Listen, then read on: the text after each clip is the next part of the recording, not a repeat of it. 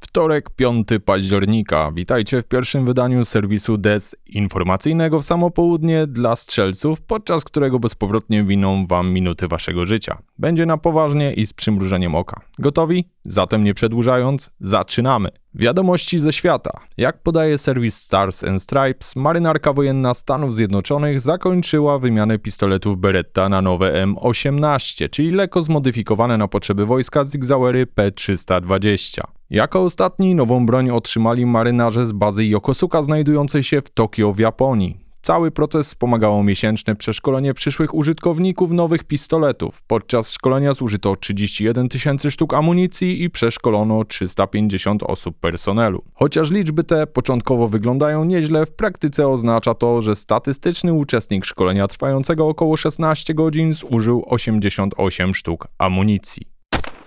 Wczoraj na kilka godzin padł serwis Facebook i powiązane z nim aplikacje takie jak Instagram czy WhatsApp. Najzabawniejsze było to, że informacje o awarii podano na Twitterze, ponieważ nie działał także korporacyjny portal Facebooka. Niestety, dzisiaj wszystko wróciło do normy, więc na lepsze czasy przyjdzie nam jeszcze poczekać. Skoro już o Facebooku mowa, Gunblogu, zostawcie anioła stróża w spokoju. Wiecie o co chodzi. Serdeczne gratulacje dla redaktorów portalu Poznań Nasze Miasto za druzgocącą rzetelność dziennikarską.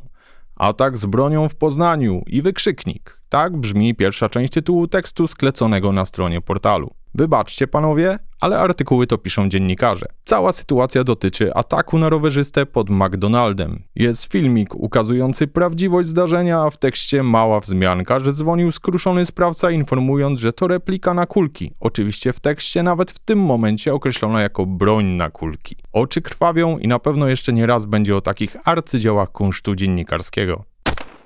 Paprotni przy strzelnicy cel znajduje się pizzeria, w której możecie zamówić m.in. Kałasznikowa czy Glocka 17, bowiem takie nazwy noszą niektóre pizze. Nie wiem, czy jest opcja z dowozem do domu i na jakim obszarze, ale to może być sposób, żeby sprawdzić, czy wasz telefon jest na podsłuchu. Numeru nie podaję, żeby nie było, że namawiam do tego typu praktyk.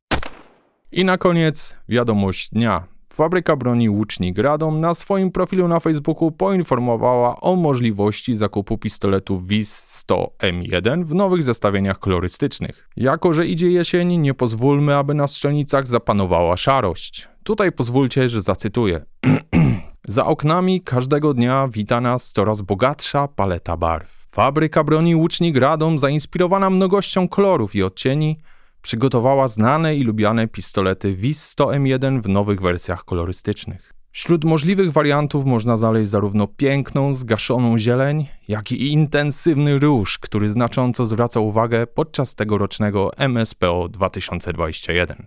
Koniec cytatu. Koniec wiadomości, wracajcie do codziennej szarugi.